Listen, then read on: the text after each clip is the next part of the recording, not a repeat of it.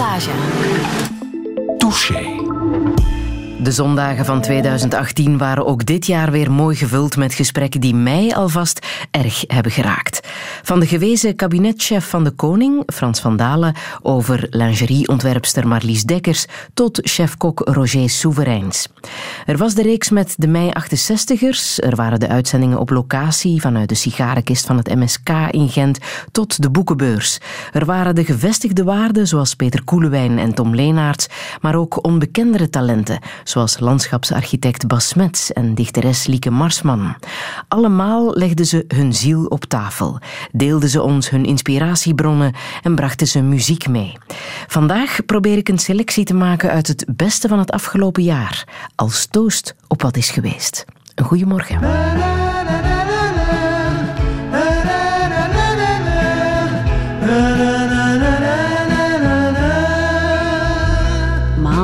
Maandagmorgen kwart voor negen. Het huis een rotzooi buiten regen. Alles nood tot chagrijn. Vreemd, wat zou er met me zijn? Zo gelukkig. God mag weten hoe het komt. Ik ben happy, ja verdomd. Zo gelukkig. Het is een raadselachtig iets. Want waar slaat het op? Op niets. Er is overal terreur en nog meer staat voor de deur. Bommen zijn gemene dingen en ik loop door het huis te zingen. Zo gelukkig, zo gelukkig dat ik leef. Nou, dat zit natuurlijk scheef. Zo gelukkig, het leven is zo schoon, zo schoon. Het is schandelijk gewoon. Het getuigt van slechte smaak dat ik niet doorlopend braak dat ik niet doorlopend kots van de wonderwerken Gods. Zo gelukkig, het is volstrekt gewetenloos. Hopelijk blijf ik niet altoos. Zo gelukkig, voel ik me niet te lang zo fijn. Want dat zou misdadig zijn. Zo gelukkig, zo gelukkig,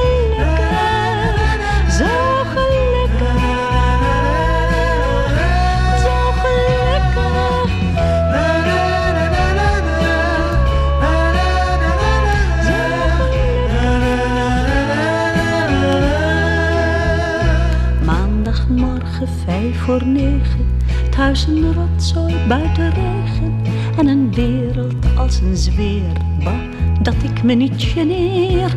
Zo gelukkig. Het is smerig, het is laf. Wacht, het zakt geloof ik af. Oh gelukkig.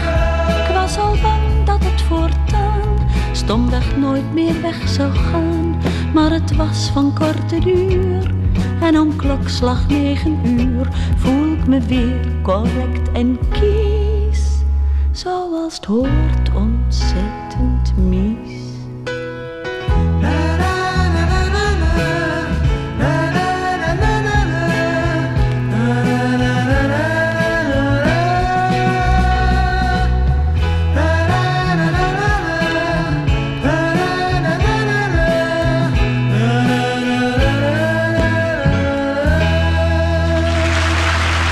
Was Michou Verleijen die als getuige van mei 68 dit nummer liet horen.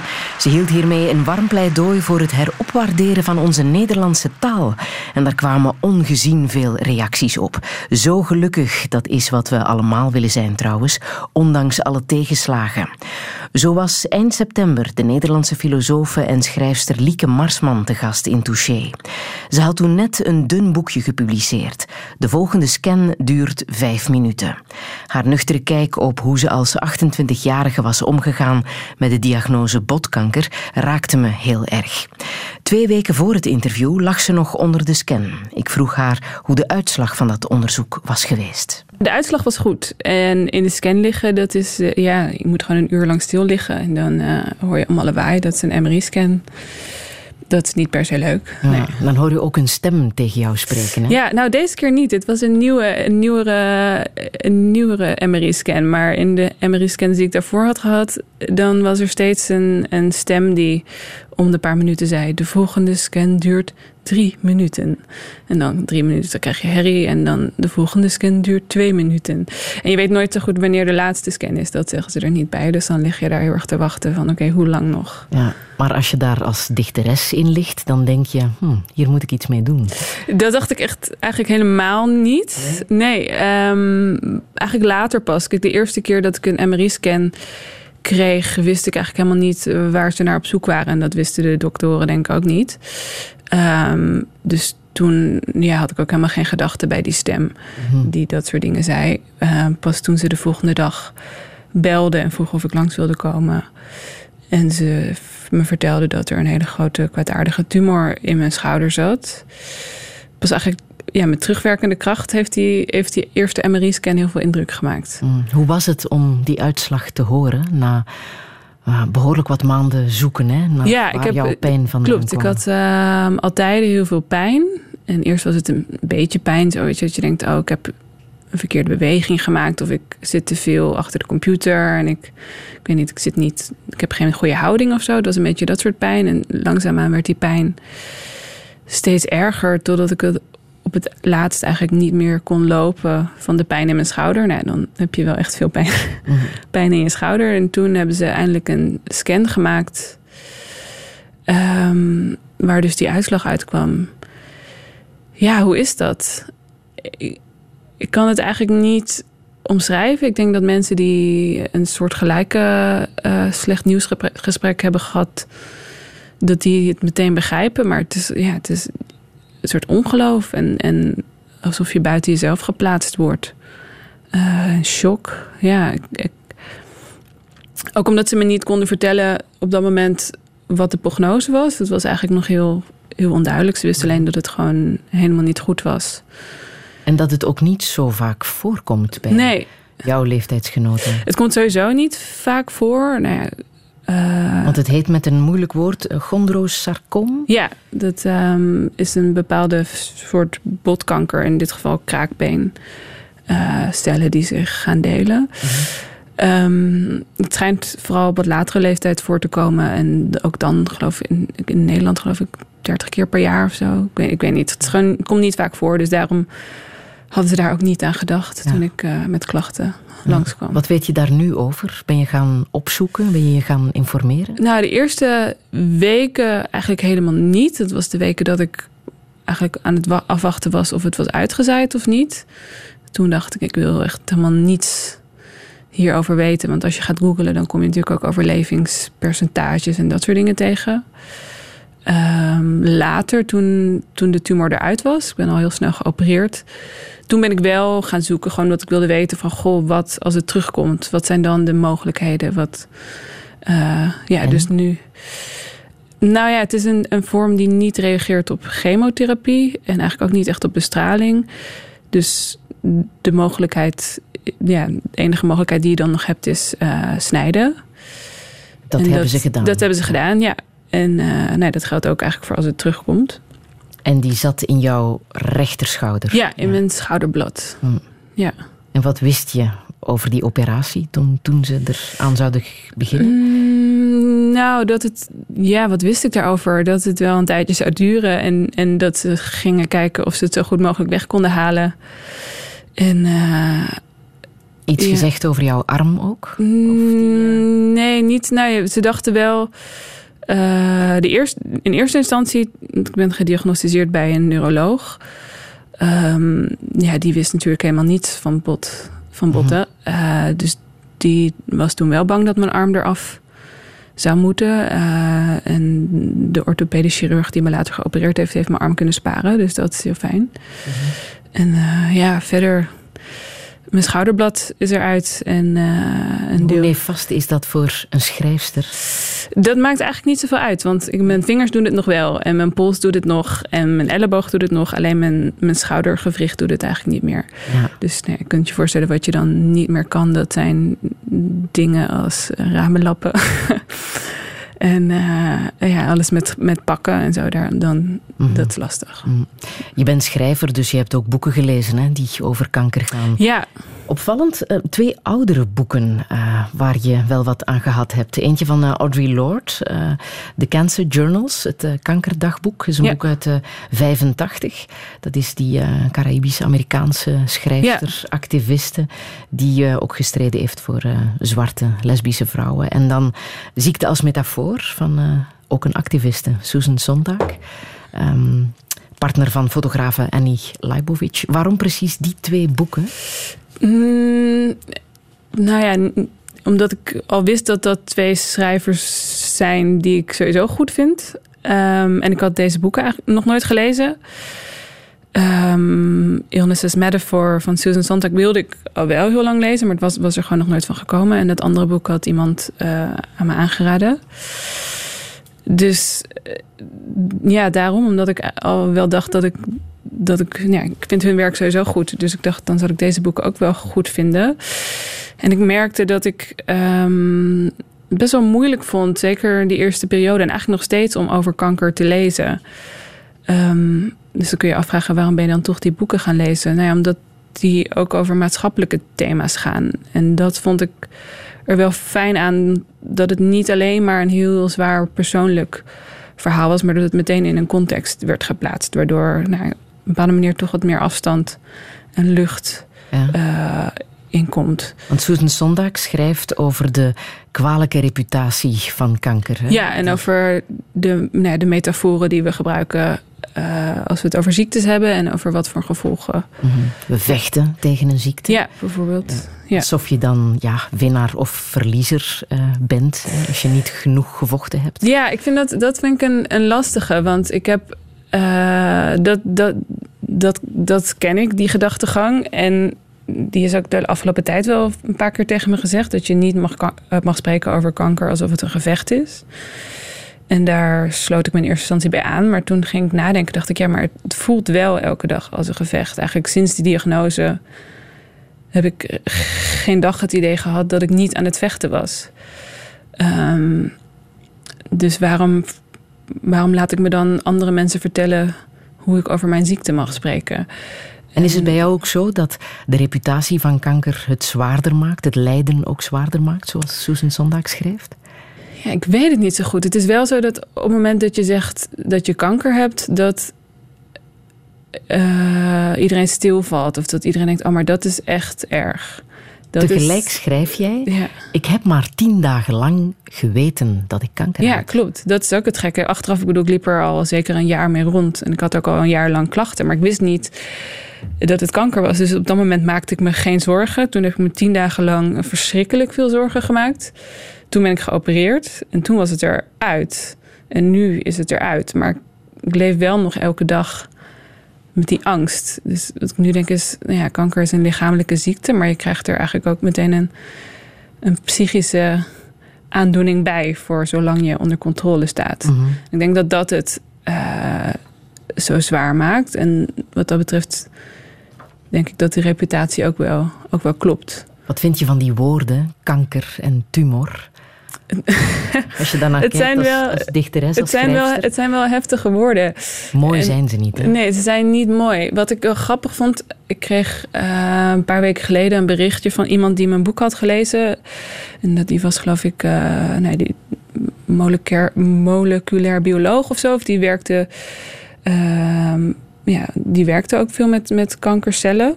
En die zei van, nou ja, heel vaak wordt kanker echt gezien als een soort verschrikkelijk, nou ja, gezwel, tumor, weet je wel. Iets verschrikkelijks wat je lichaam aanvalt. Maar goed, het zijn natuurlijk lichaams-eigen cellen. En hij omschreef het als kinderen die, uh, dat die cellen eigenlijk een soort kinderen zijn die van een helling afrennen en dan op een gegeven moment niet meer kunnen stoppen. En dat vond ik een hele mooie. Mm -hmm. Sindsdien ben ik minder boos op, op die tumor van mij. Denk ik, oh, het waren eigenlijk maar kinderen die gewoon niet meer wisten hoe ze moesten stoppen uh, met delen in dit geval. Dat vond ik wel een, een prettigere manier om daarover na te denken.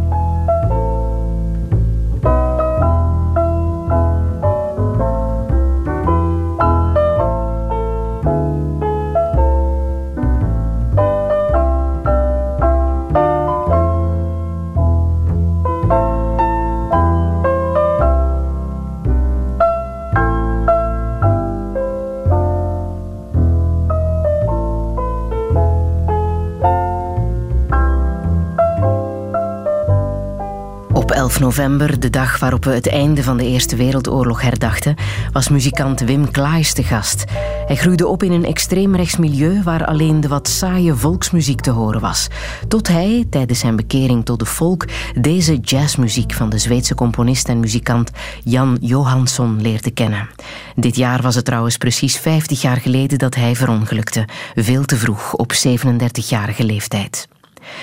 In oktober werd de internationaal gelauwerde theatermaker Ivo van Hoven 60 jaar. Zijn voorstelling Een klein leven, naar de bestseller van Hania Yanagihara, was toen net in première gegaan. Een verhaal van een vriendschap waarbij Jude de centrale rol speelt. Hij kende nooit de echte ouderliefde en werd vanaf zijn negende misbruikt en verkracht. Het bracht ons op de ervaringen van Van Hoven zelf, die hem gelukkig nooit hebben getraumatiseerd. Ik ga het nu toch nog maar eens een keer vertellen voor de Belgische radio. Namelijk Louis de Lentekker. Dat was de grote journalist van de Standaard. Die ook fantastische dingen, goede dingen heeft gedaan. Maar die een vehement anti-homoseksueel was. Ik ben er ooit moeten voor verschijnen. En die mij toen zei: uh, die mij toen duidelijk maakte, ach, maar dat is maar een tijdelijk, het is maar een fenomeen. Dat is, bij wijze van spreken zei dat is een modegril nu. En dus Louis de Lentekker heeft jou van jouw homoseksualiteit proberen, proberen ja, maar dat is niet gelukt. Hm. En toen was ik razend. Ik, ik weet er nog toen, ik kan, als ik razend ben, ik was razend. Dat die man dat durfde te zeggen, ik wist al van mijn elfde. Van mijn elfde weet ik wie ik ben op seksueel vlak. Hoe wist je dat? Seksualiteit is iets, als je toelaat, iets van aangetrokken of niet. Ja, zo mhm. simpel zijn die dingen ook. En ik had blijkbaar niet, die, die, niet de moeilijkheden er rondomheen.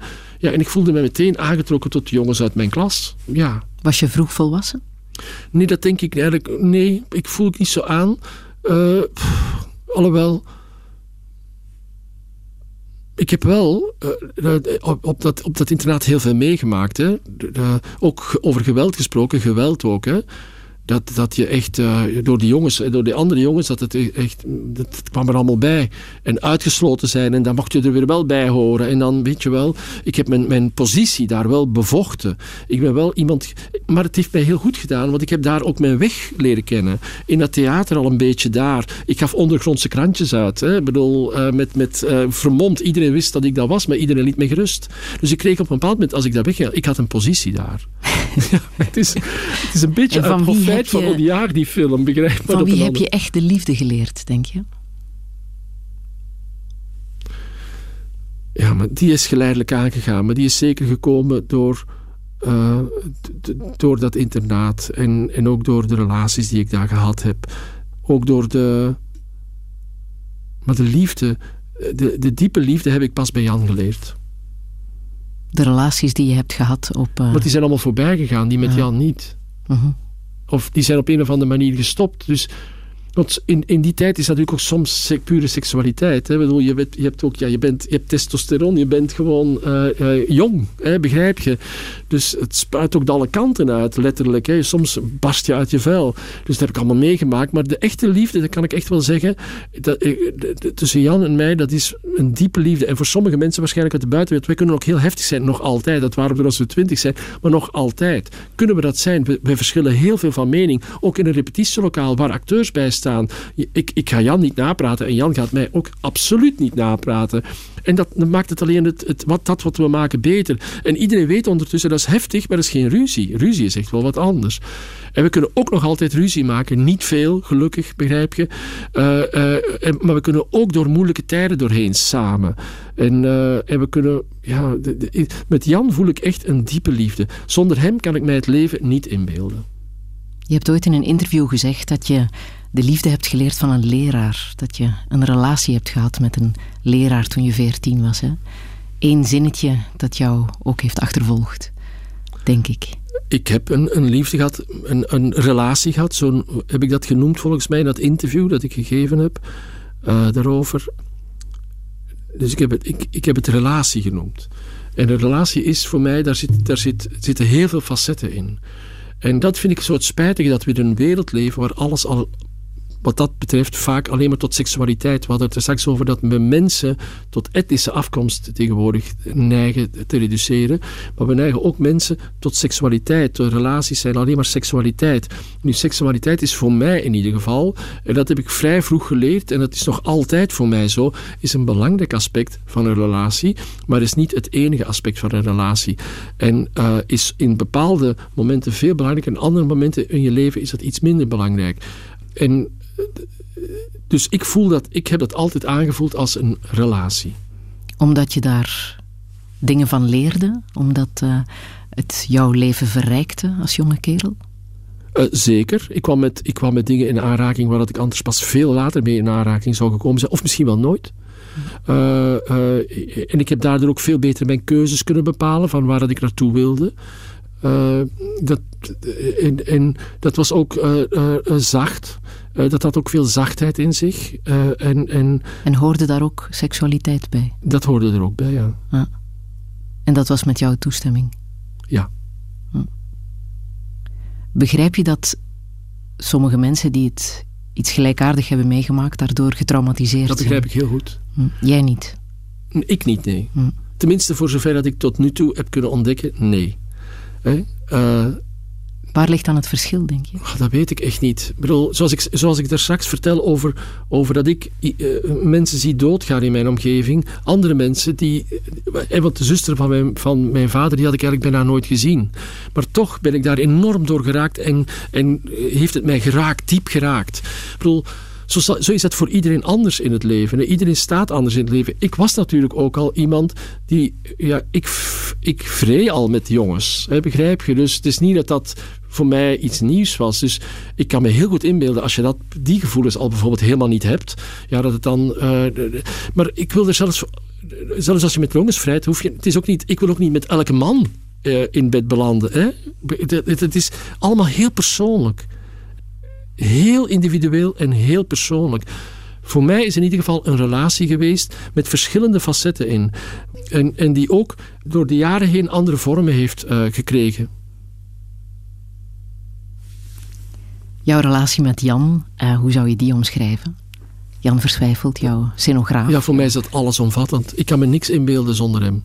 Ik kan me geen... Nee, dat, dat, is, dat klinkt nu heel uh, groot, maar het is ook heel groot. Zijn jullie getrouwd? Ja, on, ik ben... Dat is een grapje hoor. Ik ben onder druk getrouwd. dat zeg ik altijd. Want Kijk, uiteindelijk vind ik dat wel belangrijk om ook op, op uh, financieel vlak want goed voor elkaar te kunnen zorgen als er iets gebeurt. Want wij vliegen heel veel. Bijvoorbeeld, hij werkt nu op dit moment in Berlijn met Anne-Therese Keersmaker, ik hier. Ja, er kan iets met mij gebeuren, iets met hem gebeuren. We zijn niet samen. Als we samen neerstorten met een vliegtuig, dat is dan beter, zal ik maar even zeggen. Hè? Dus we moeten, we moeten ook wel goed voor elkaar zorgen. Maar dat, dat huwelijk voor mij op zichzelf moest dat niet uit emotionele redenen. Ik heb het dan ook heel... On, ik, bedoel, ik heb ja gezegd. Het is, ik vond het er een beetje ingetuind. Want hij was op een bepaald moment heel erg ziek. Hij had een klein aneurysma. Dus dat was best een behoorlijk iets. En toen uh, belde hij mij. Want hij, plots moest hij, werd hij geopereerd. En toen belde hij mij vanuit... De, van, ja, Ivo, het gaat nu gebeuren. Hè. Ik zeg, wat? Ja, maar de operatie gaat nu gebeuren. Ik zeg, oh Jan, wil je met mij trouwen? Ik zeg, ja, natuurlijk. Weet je wat heb ik toen gezegd? Ja, maar hoe kun je... Ik kan op dat moment... En toen gingen er maanden voorbij. Ik dacht, oh, niks vergeten, weet je wel. Al een beetje verdoofd, te vergeten. Doe na drie maanden aan het ontbijt, dat trouwen, wanneer gaan we dat nou precies doen? En toen heb ik gezegd, oké, ik heb gezegd ja, maar nu bepaal ik de manier waarop. En toen zijn we echt zo heel antiromantisch op vier, tien minuten tussen twee repetities in getrouwd. Echt? Ja, letterlijk. Ja, het is heel kwaadaardig van mij, maar ik zie hem dolgraag. Hoe komt dat, uit die romantiek uh, Nee, maar ik, dat huwelijk op zich dat komt ook uit de jaren zeventig. Ik ben natuurlijk echt daar toch een kind van. Ik bedoel, toen was dat echt... Ik, ik, ik hecht daar niet zoveel belang aan. Ik bedoel, wel aan die relatie, daar hecht ik heel veel belang aan. Ook, maar ook verjaardagen. Ik bedoel, ik word nu 60, Jan is 60 geworden. Ja, dat, die 60 van hem hebben we met z'n tweeën gevierd en dat zal nu ook zo gebeuren. Ik ben niet van een groot feest aan doen of zo. Niet dat ik dan... Ik bedoel, ach, ik weet niet. Het is nu al een paar keer gevallen, maar heb jij dan een definitie voor wat dat is, een relatie? Daar gaat de voorstelling Een Klein Leven ook en, over. Daar gaat ze over. En op een bepaald moment uh, definieert bijvoorbeeld Hania, of laat ze een van haar personages definiëren, nou net wat ik onder woorden breng. Dat, dat uh, uh, zij is ook diep overtuigd dat we zo geneigd zijn om iets te willen van iemand, hè, van andere mensen. En op een bepaald moment wordt ook gezegd van dat de echte, een echte relatie, dat het vriendschap is en dat seksualiteit daar een onderdeel kan van zijn, maar dat het niet noodzakelijk de hoofdrol moet aan. nu parafraseer ik met mijn eigen woorden. Ik vind het woordje vriendschap in een relatie heel belangrijk. Ik beschouw Jan echt als mijn allerbeste vriend. Ah.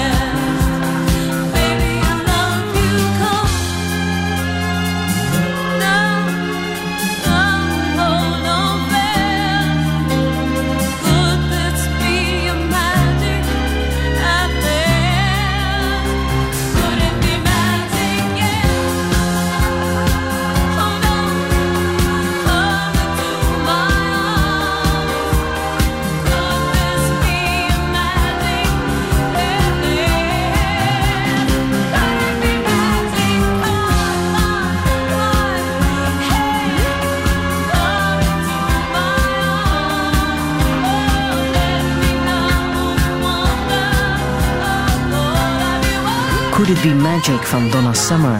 Het werd gespeeld op de begrafenis van Sylvia Christel en bracht bij auteur Oscar van den Boogaard, die begin maart te gast was in Touché, zijn vriendschap met de actrice terug naar boven. Eind februari was Khalid Benadou te gast, de jongste imam van het land en winnaar van de prijs voor de mensenrechten. Ik leerde hem beter kennen tijdens de theatertournee van de grote levensvragen, waaraan hij heel enthousiast heeft meegewerkt. In Touché gaf hij een inkijk in het leven van een modern moslimgezin. Mijn ouders zijn uh, twee uh, prachtige mensen die, uh, die komen uit, die geboren zijn in Marokko en die later naar, naar België zijn gekomen. Mijn vader als eerst als gastarbeider. ik heb ouders die heel sociaal zijn, ouders die in zekere zin open-minded zijn, maar wel nog strikt gelovig met matigheid. Um, ik heb ouders die heel lief zijn en altijd proberen de gulden middenweg te zoeken. En dat heb ik wel weg van, van mijn vader vooral. Mhm. Die altijd de middenweg probeert te zoeken en misschien nauwelijks vijanden heeft. Uh, ja? ja? ja, echt. Ik denk als je in de omgeving, in de straten uh, waar ik woon, zou vragen naar, naar mijn vader, dan zal je vaak als antwoord krijgen: ja, is een heel lieve, zachtaardige man. Hardwerkende man ook. Hardwerkende man, ja, Wat zeker. deed hij? Hij heeft als in de bloemisterij gewerkt. Uh, ik denk 35 of 40 jaar lang. Uh, intussen op pensioen. -hmm. Mijn moeder is huisvrouw geweest, ja.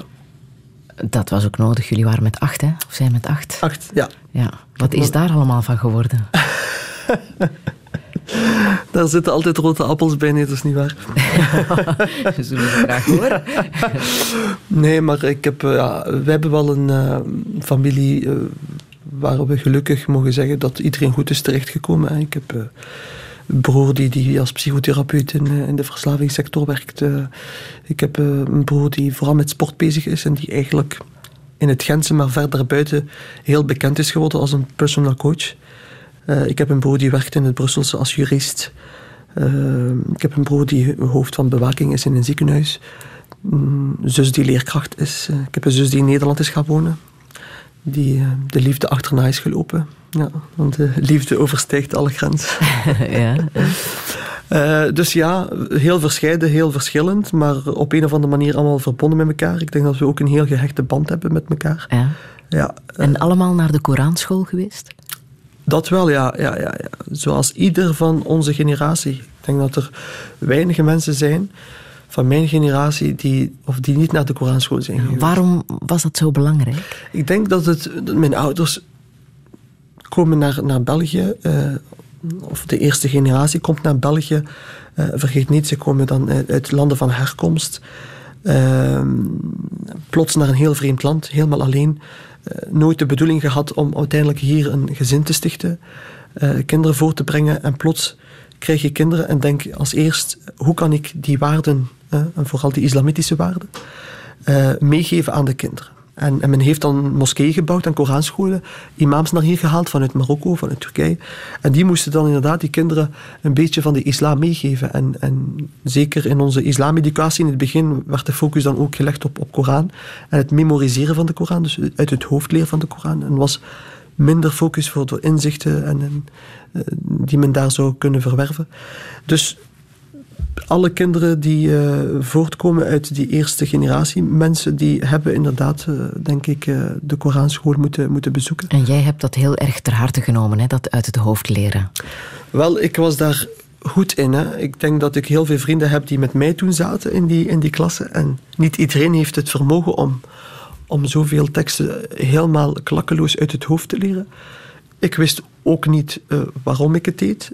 Ik deed het gewoon, want dat was toen wat ons werd opgedragen. Je ging naar de Koranscholen, je moest op grond zitten met een houten plank tussen je benen en je schreef met een houten pen stukken uit de Koran die je dan uh, zelf moest opschrijven, werd gedicteerd door de, door de imam.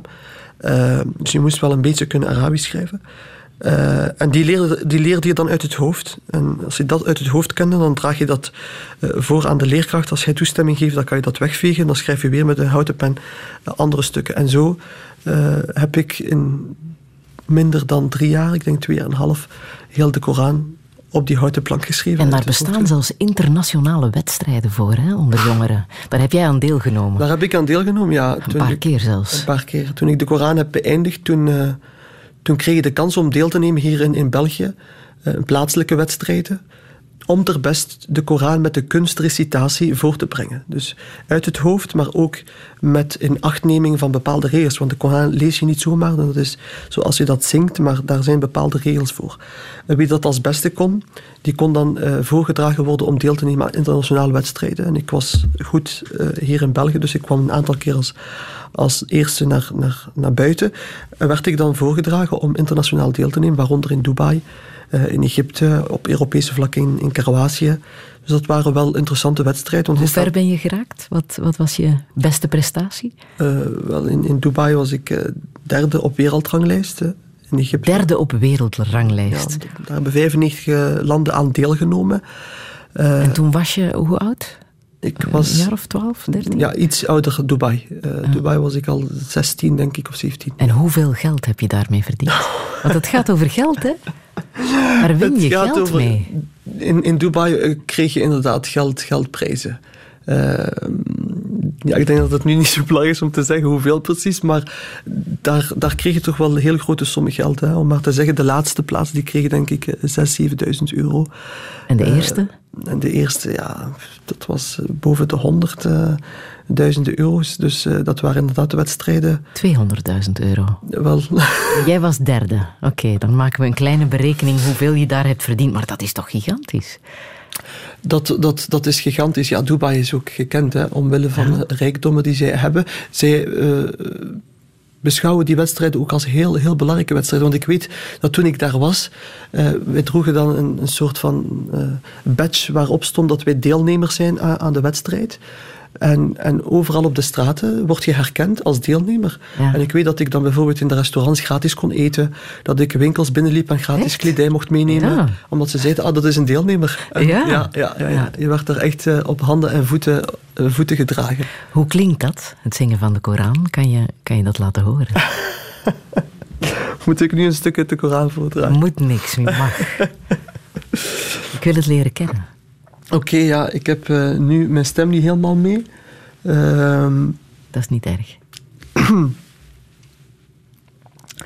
uh, الحمد لله رب العالمين الرحمن الرحيم مالك يوم الدين إياك نعبد وإياك نستعين اهدنا الصراط المستقيم صراط الذين أنعمت عليهم غير المغضوب عليهم ولا الضالين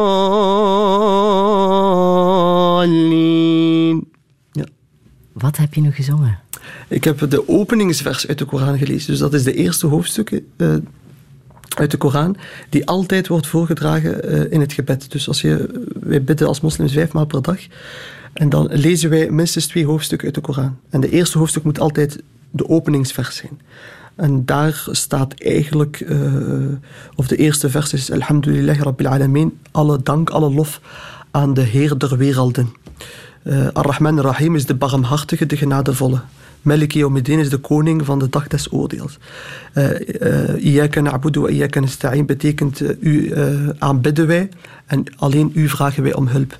Dus het gaat eigenlijk om het prijzen en het loven van, van God en hem bedanken als de Heer van de wereld. En elke hoofdstuk begint ook met in de naam van God, de barmhartige, de genadevolle dat geeft ook wel aan dat, dat de eigens, die twee eigenschappen heel centraal staan in God. Hè? De barmhartige, de genadevolle. Wij lezen dat 17 maal per dag. Wat betekent dat voor jou als je dit nu zingt? Wat doet dat met jou? Ja, veel. Uh, het, het, doet mij denken aan, aan alles, een hele traject dat ik heb afgelegd. Hè. Uh, vergeet niet, ja, de Koran is onlosmakelijk met mij, met mij verbonden. Ik heb van, vanaf mijn tien jaar heb ik die band gehad met de Koran. Uh, dat doet mij ook denken aan de momenten die ik uh, in de moskee heb doorgebracht. Als jonge man na school naar de moskee gaan, van vijf tot, tot, tot acht soms, daar op grond zitten met de houten plank, de Koran uit het hoofd leren. Dus dat, dat haalt heel veel herinneringen naar boven. De wedstrijden, de contacten die ik daar heb gehad. ja, dat heeft mij voor een stuk getekend als, als persoon. Hè. Heb je de bedevaart naar Mekka gedaan? De bedevaart, bedevaart niet. want je weet, je kan naar Mekka gaan om om de bedevaart te doen, dat is een specifieke periode. Maar je kan ook gaan om de Umrah te doen. Dat is buiten de, de bedevaartperiode kan je gewoon een bezoek gaan, gaan brengen. Uh, dus dat wel, maar de bedevaart uh, nog niet. Wanneer dat hoop ben je ik wel, dat van plan? Is dat op een bepaald moment dat je nee, dat wil doen? wel, ik heb niet, niet voor mezelf uitgemaakt wanneer ik het zal doen, maar ik denk dat ik het wel weldra binnenkort zal, zal, zal doen. Doe je dat alleen? Je kan dat in groep doen. Meestal uh, moet, ga je samen met een organisatie. Er zijn heel wat organisaties in België. Ja, ja met wie je samen naartoe, naartoe kan gaan. En het zou leuk zijn mocht ik het samen met vrienden kan doen, want ik denk dat er heel wat vrienden zijn in mijn omgeving die vragen om dat samen met mij te doen. Dus Maar is het vreemd dat een imam dat nog niet heeft gedaan? Nee, eh, er zijn hele grote geleerden in de geschiedenis die dat, uh, die dat uh, niet, niet, niet hebben kunnen doen. Maar goed, zij hadden andere redenen daarvoor. Het was niet voor iedereen makkelijk om, om zo'n grote reis te maken. Maar dat is niet vreemd. Dat is niet vreemd. Ja. Ik mag daar niet binnen, hè? In Mekka en Medina, ja, dat is op dit moment zo dat, uh, dat er uh, gezegd, of gezegd wordt dat die plaatsen enkel maar voorbehouden zijn voor, voor moslims. Ja, voor mij hoeft dat niet. Ik denk dat iedereen welkom is. Zoals in een moskee iedereen ook welkom is, moslim en niet-moslim. Maar dat is nu het beleid dat nog altijd ook bepaald wordt door het land zelf. In dit geval Saudi-Arabië. Zij bepalen het beleid nog van, van die twee heilige steden. Eigenlijk zou je alles wat te maken heeft met Mekka en Medina, wat voor moslims toch de meest heilige plaatsen zijn, zou je niet laten bepalen door één land. Eigenlijk zouden verschillende islamitische landen zich daarover mogen kunnen uitspreken.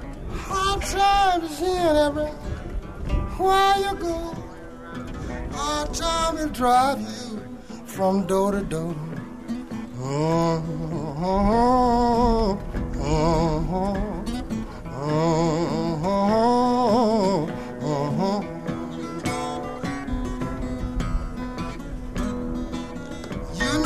people they are drifting from door to door, but they can't find no heaven. I don't care where they go. Oh, oh, oh,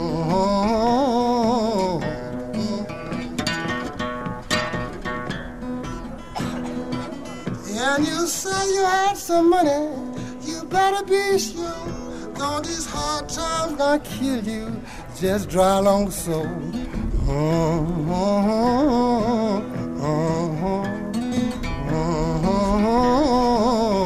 Oh. When you hear me singing this old lonesome song, people, you know these hard times can't last us so long.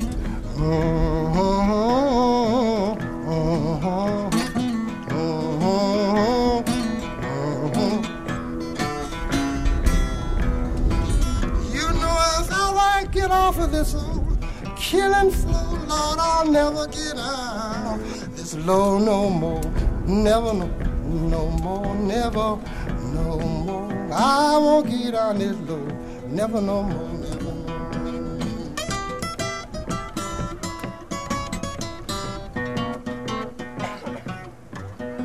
Hard Times Killing Floor Blues van Skip James, gekozen door de veelgevraagde cameraman Nicolas Karakatsanis. Behalve een verregaande fascinatie voor het perfecte beeld, is hij ook een maniak als het gaat over geluid. Zo bezocht hij in New York de OMA Audio en kocht hij de beste geluidsinstallatie ter wereld. Sindsdien is luisteren naar muziek nooit meer hetzelfde voor hem. Eind januari was Moot van Houwaard te gast. Ze was toen net aangesteld als stadsdichteres van Antwerpen. Een opdracht van twee jaar en twaalf gedichten waar ze toch even over heeft getwijfeld. Um, ik wil graag kinderen. Ook dat was eigenlijk iets waar ik, waar ik eigenlijk wel klaar voor was om daaraan te starten of, of om daarover na te denken of mee te beginnen. Heb je al een plan hoe je dat gaat doen? Ja, uh, ja daar ben ik mee bezig. Maar dat stadsdichterschap is er Ja, dat kwam daar toch een beetje tussen. Ja. Dus dat, dat, is toch iets wat, wat ik nu denk, ah, maar ik zie dat niet zitten om dat te combineren. Ik bedoel, ik kan me voorstellen als stadsdichter dat ik toch heel erg die focus zal moeten hebben naar buiten toe, om, om ook mij ook wat ten dienste te stellen van wat er gebeurt in de stad. En als ik zie bij, bij, bij, bij vriendinnen die, die kinderen krijgen, dan zie ik eigenlijk een hele mooie focus ontstaan, ook op op zichzelf en op, op, het, op het eigen lichaam. En er komt dan een soort rust over hen, die ik heel, die ik heel mooi vind bij, bij, bij zwangere vrouwen. Maar ik voel, ja, maar ik kan die, dat, die twee soort energieën niet, niet, niet combineren. Uh, ja, misschien wel, misschien wel. Waarom niet? Ja. Het zou ook mooi zijn. Ja. Een stadsdichteres die moeder wordt. Ja, zou je dat? Tuurlijk. Ja, tuurlijk wel.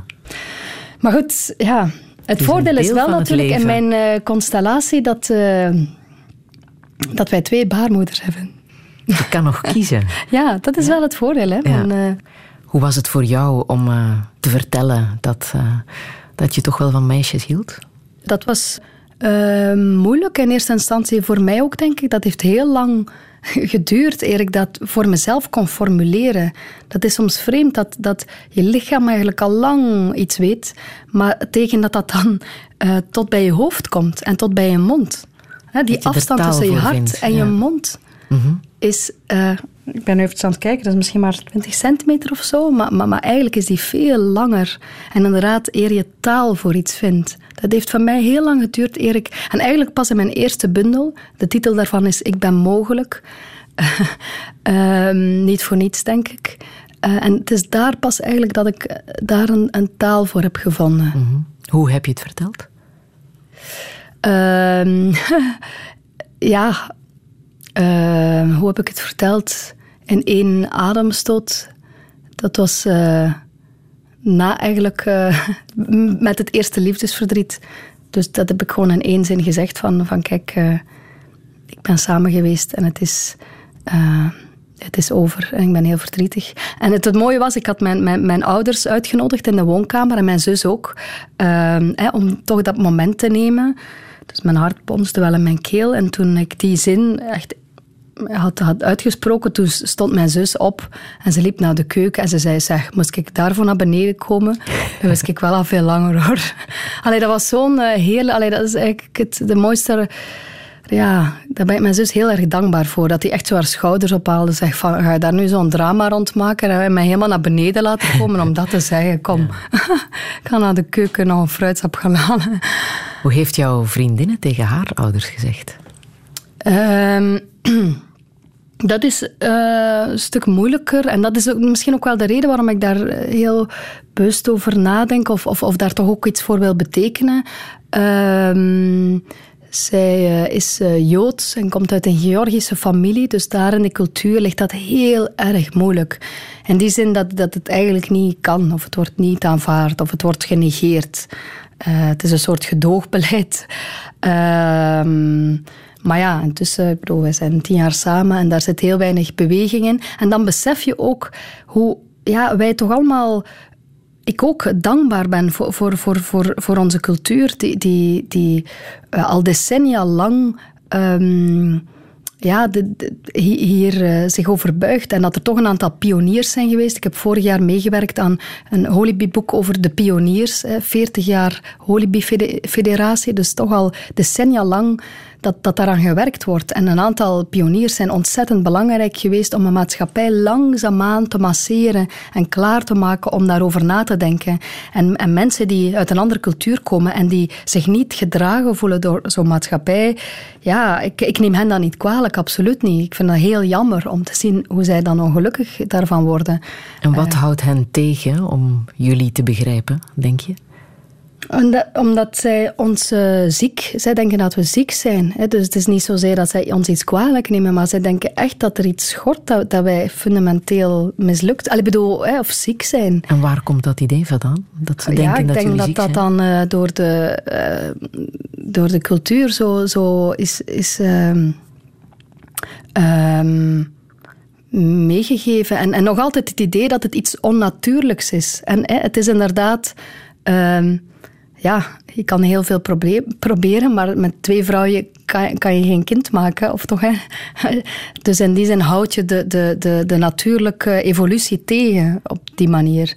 En, en ik denk dat daardoor heel snel die, die, uh, ja, die, die gedachte komt van, ah, dan is het tegennatuurlijk, dus het, het, het klopt niet, je bent ziek. Of, uh, en kan je daarover praten? Want soms, door je verhaal te doen, uh, komen er nieuwe inzichten. Praten met wie? Met de ouders. Nee, voor hen uh, nee, dat, nee. Maar op zich, ze houden ons ook niet tegen. Dus wij kunnen wel... Uh, ja, we wonen in een stad waar, waar alles mogelijk is. En, uh, dus het houdt ons leven en ons geluk niet tegen. Ik bedoel, mijn vriendin moet wel een beetje... ja, soms wel schizofreen zijn. Allee, of in die zin dat ze dan twee, twee levens heeft. Het leven met mij en het leven met haar ouders. En ik heb toch het verlangen dat, dat er ooit wel ja, ruimte zal komen om, om, om die brug te slaan. Um, Maar ik, heb, ik ben ook heel geduldig daarin. En, en, zij ook. bedoel, ik, ik, het heeft geen zin om, om, om dan rebels te worden of daar tegenin te gaan. Ik kan alleen maar hopen dat we ons geluk kunnen bewijzen. Om, om echt te tonen van, maar kijk, kijk ons, wij zijn, we hebben geluk gevonden bij elkaar. En dat is, dat is heel vreemd wel, hè, dat je iemand moet overtuigen van je geluk. Dat is absurd, hè.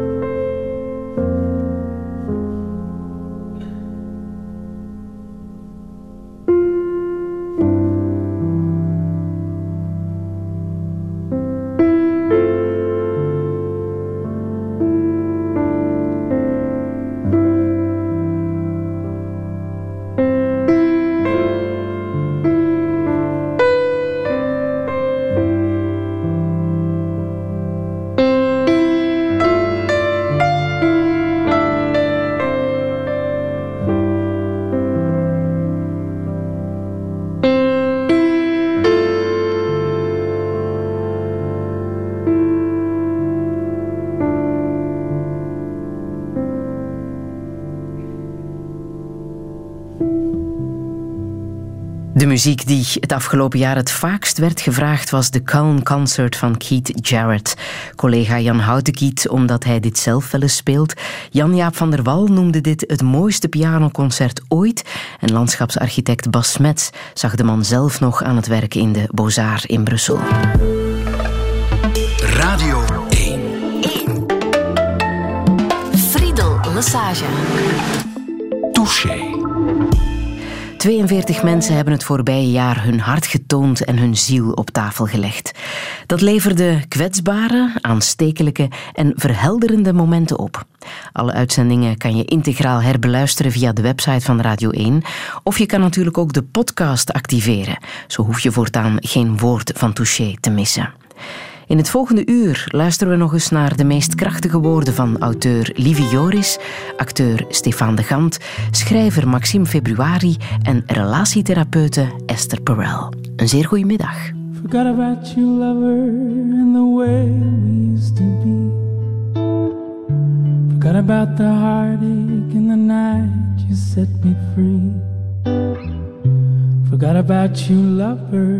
Dancing in the breeze. That's not how dreams are made.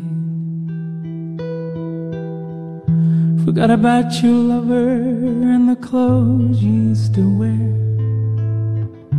Forgot about the heartache and the nights we used to share. Forgot about you, lover, you left me standing there. That's not how dreams are made. But where are you now? Now that my heart it aches. Where are you now? Now that my heart it breathes.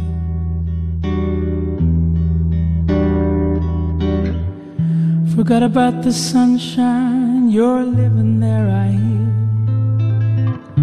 Forgot about the heartache, it slowly disappeared.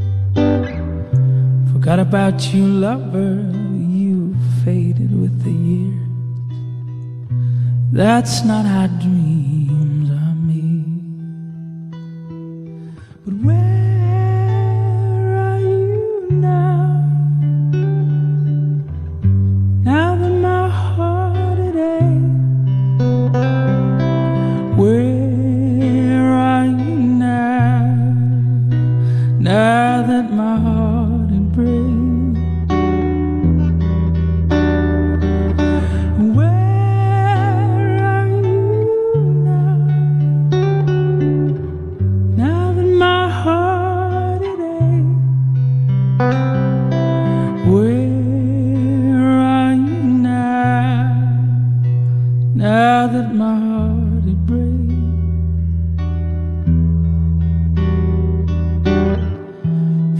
about you, lover, and the way we used to be.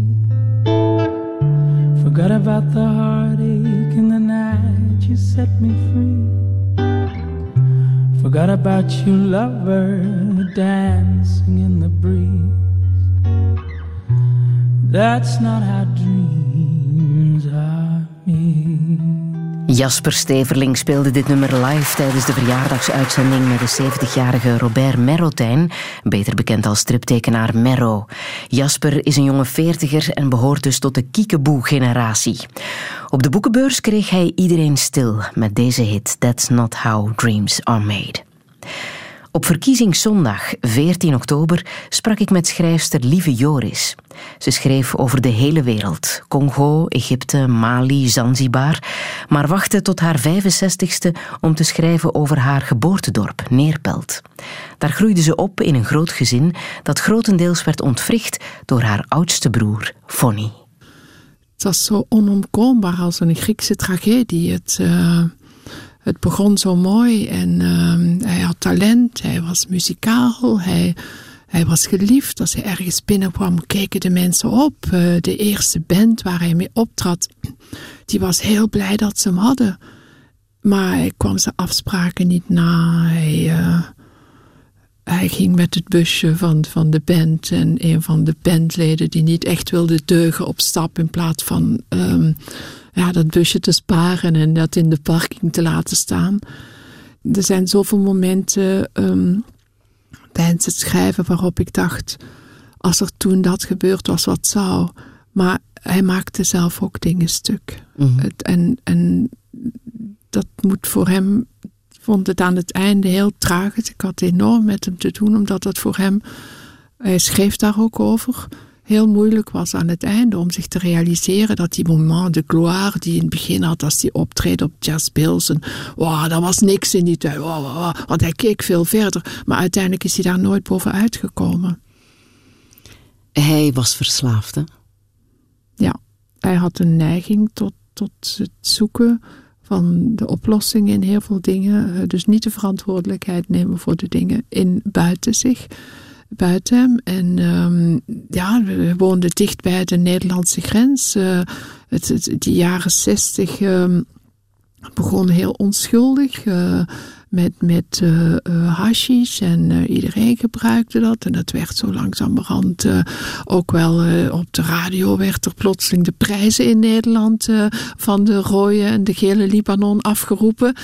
Ja, het begon heel onschuldig en um, ja, tegen zijn 25ste ongeveer maakte hij kennis met heroïne. En vanaf dat moment was er geen weg terug. Kan je nu, zoveel jaar later, zeggen wat de mogelijke oorzaak was van, van die verslaving? Waarom had hij die verslaving nodig? Uh, er zijn zo'n aantal bakerpraatjes in de familie. Dat de geboorte niet makkelijk was. Uh, uh, dat hij niet bij mijn moeder meteen werd gelegd, maar in een mandje naast haar. dus misschien een, een licht zuurstoftekort. hij was een druk kind. op dit moment hebben we allemaal termen daarvoor. ADHD en bipolair en persoonlijkheidsstoornis. Maar ja, in zo'n dorp, waar, waar moest je naartoe? Mijn vader ging naar een man die zijn psychiater noemde, maar ik geloof dat het een veredelde dokter was. En die schreef wel kalmeringsmiddelen eh, voor, want Fanny was niet te houden op school. Hij, uh, hij was ook heel vroeg rijp. Uh, op zijn veertiende had hij al een verhouding met een vrouw van 22. Uh, dus hij, hij was gewoon niet te houden. Hij barstte uit dat dorp. En um, ja, dan begint mijn vader probeerde dan, uh, ik koop hem een gitaar, koop hem een orgel, koop hem een brommertje, zet een chalet neer waar ik kan repeteren. En um, ja, die ging heel erg met hem mee, maar er werd niet echt, en hij had astma. dus er werd ook vaak gezegd, ja, het is omdat hij astma heeft. ja, het was ook een beetje de tijd, denk ik. Uh, Maar goed, in deze tijd zijn er andere verlokkingen. Zou iemand in één keer in Irak uh, kunnen, kunnen opduiken en met een buitenlandse oorlog in, een, in aanraking komen? Dus ja, hij had enorm veel talent, maar hij had geen doorzettingsvermogen. En hij voelde een leegte binnen zichzelf en die drugs vulden die leegte. En wij hebben in het begin allemaal, wij hebben allemaal jointjes gerookt en zo. En sommigen van ons ook wel eens een LSD en trip getript en zo. En nou, cocaïne of zo geprobeerd. Maar dan dacht je dan, nou ja, maar ik moet toch morgen naar de universiteit of ik moet gaan werken. En uh, dan, dan hield je ermee op. En Fonny had geen werk of uh, geen vast werk of uh, ging al lang niet meer naar school. Dus uh, ja, hij had ook om zich heen een, een, een vrijheid gecreëerd wa waardoor hij zo, ja, hij, hij, moest niet aan alle die maatschappelijke verplichtingen voldoen. Dus hij kon zijn tijd doorbrengen met het zoeken naar een middel dat hem een ander soort genot zou bieden. Je schrijft in het boek, um, ik bemerk bij mezelf een, een valse noot. Ik sta aan zijn ziekbed. Hij heeft op een bepaald moment een, eh, een auto-ongeluk. Ik sta aan zijn ziekbed te huilen, maar ik heb me nooit echt zorgen gemaakt over hem. Niet zozeer, ik heb me niet echt zorgen gemaakt over hem, maar ik wist dat om iemand te worden, om iets van mijn eigen leven te maken, moest ik daar uit de buurt blijven. Omdat het je naar beneden trekt en, je blijft aan het einde met niks zitten. Dat, dat was ook de keren wanneer ik, wanneer hij toen beter werd uh, na dat ongeluk. Als ik dan, en hij spoelde soms aan bij het, uh, in het ouderlijk huis. En dan gingen wij proberen om hem daar weg te krijgen, om hem te bewegen tot een, een, een, een opname of af te kicken. En als je dan naar hem toe ging voor ik het wist, wat was ik het probleem thuis. En, uh, en dan was mijn vader ook plotseling, ja, wat heb ik in het boek terug naar Congo geschreven? Dat had ik toch niet zo moeten schrijven. Dus plotseling, daar, hij was zeer manipulatief. Uh, hij, was zeer bedreven in, in de aandacht van zichzelf uh, wegduwen. En de anderen waren plotseling het probleem geworden. Ik heb een cassette beluisterd waarin hij een ruzie maakt met, met zijn vrouw, Christian. En uh, hij was weer helemaal daar toen ik dat hoorde. En het waren precies hetzelfde soort dingen die hij vroeger tegen ons zei. Je kleneren, je onderuit halen. En tegelijkertijd, als je naar hem luistert, dan denk je: ja, maar waarom omring je met iemand van wie je zo weinig houdt? Hoe kan dat? Dat is toch iets binnen jezelf? En ja, dat kon hij op die momenten niet zien. Misschien weer wel wanneer hij alleen was hij bleef zijn hele leven ook echt zeer gehecht aan, aan je ouders. Daar ging hij altijd terug naartoe. Je ouders hebben hem ook altijd uh, behoorlijk beschermd. Hè? Ja, of hij gehecht was aan de ouders, ik weet niet of je het zo moet noemen. Ik denk dat het meer was dat dat de enige personen waren die nog bereid waren om hem te helpen. Want uh, die, die vrouwen die, die stonden wel toe dat hij hen kleineerde. Maar er was een dag waarop ze weggingen. En uh, dachten, waarom zou ik hier nog blijven? En dan spoelde hij weer bij, het, bij, bij mijn ouders aan. En ja, die bleven met een soort dorpse naïviteit. Ik herinner me, ik woonde dan in Amsterdam. En ja, in die tijd in Amsterdam op de Zeedijk bij het station. Nu is het een beetje schoongeveegd. Maar ja, je, je zag ze daar schuiven langs de gevels, eh, de junks. En, je, je, je hoorde erover, je las programma's. Ik, ik maakte ook, uh, ik schreef ook over uh, verslaving voor de Haagse Post, waar ik inmiddels werkte. Dus ik was vrij goed geïnformeerd. En dan probeerde ik middels folders uh, uh, over drugsverslaving mijn ouders uh, wat in te lichten. Maar mijn vader die legde dat opzij en er stond zijn, zijn tas koffie daar in één keer op. En dan wist ik, dat gaat hij niet lezen. maar toch, zegt je moeder al op de eerste pagina, was hij maar dood? Ja. Ik heb een brief teruggevonden waarin Fonny is dan 8 of 29 hij zou nog 19 jaar leven daarna. Waarin mijn moeder schrijft: Het zou beter zijn als hij stierf. Dan zouden we hem mooi begraven op het kerkhof waar uh, uh, de moeder van mijn vader ook begraven ligt. En dan zouden we daar mooie bloemen omheen leggen. Zij voelde dat hij zijn weg niet kon vinden. Ik denk dat de moeder dat heel goed voelt. Ze had negen kinderen en, en elk kind trouwt, uh, heeft een vriend, uh, vindt werk, heeft kinderen.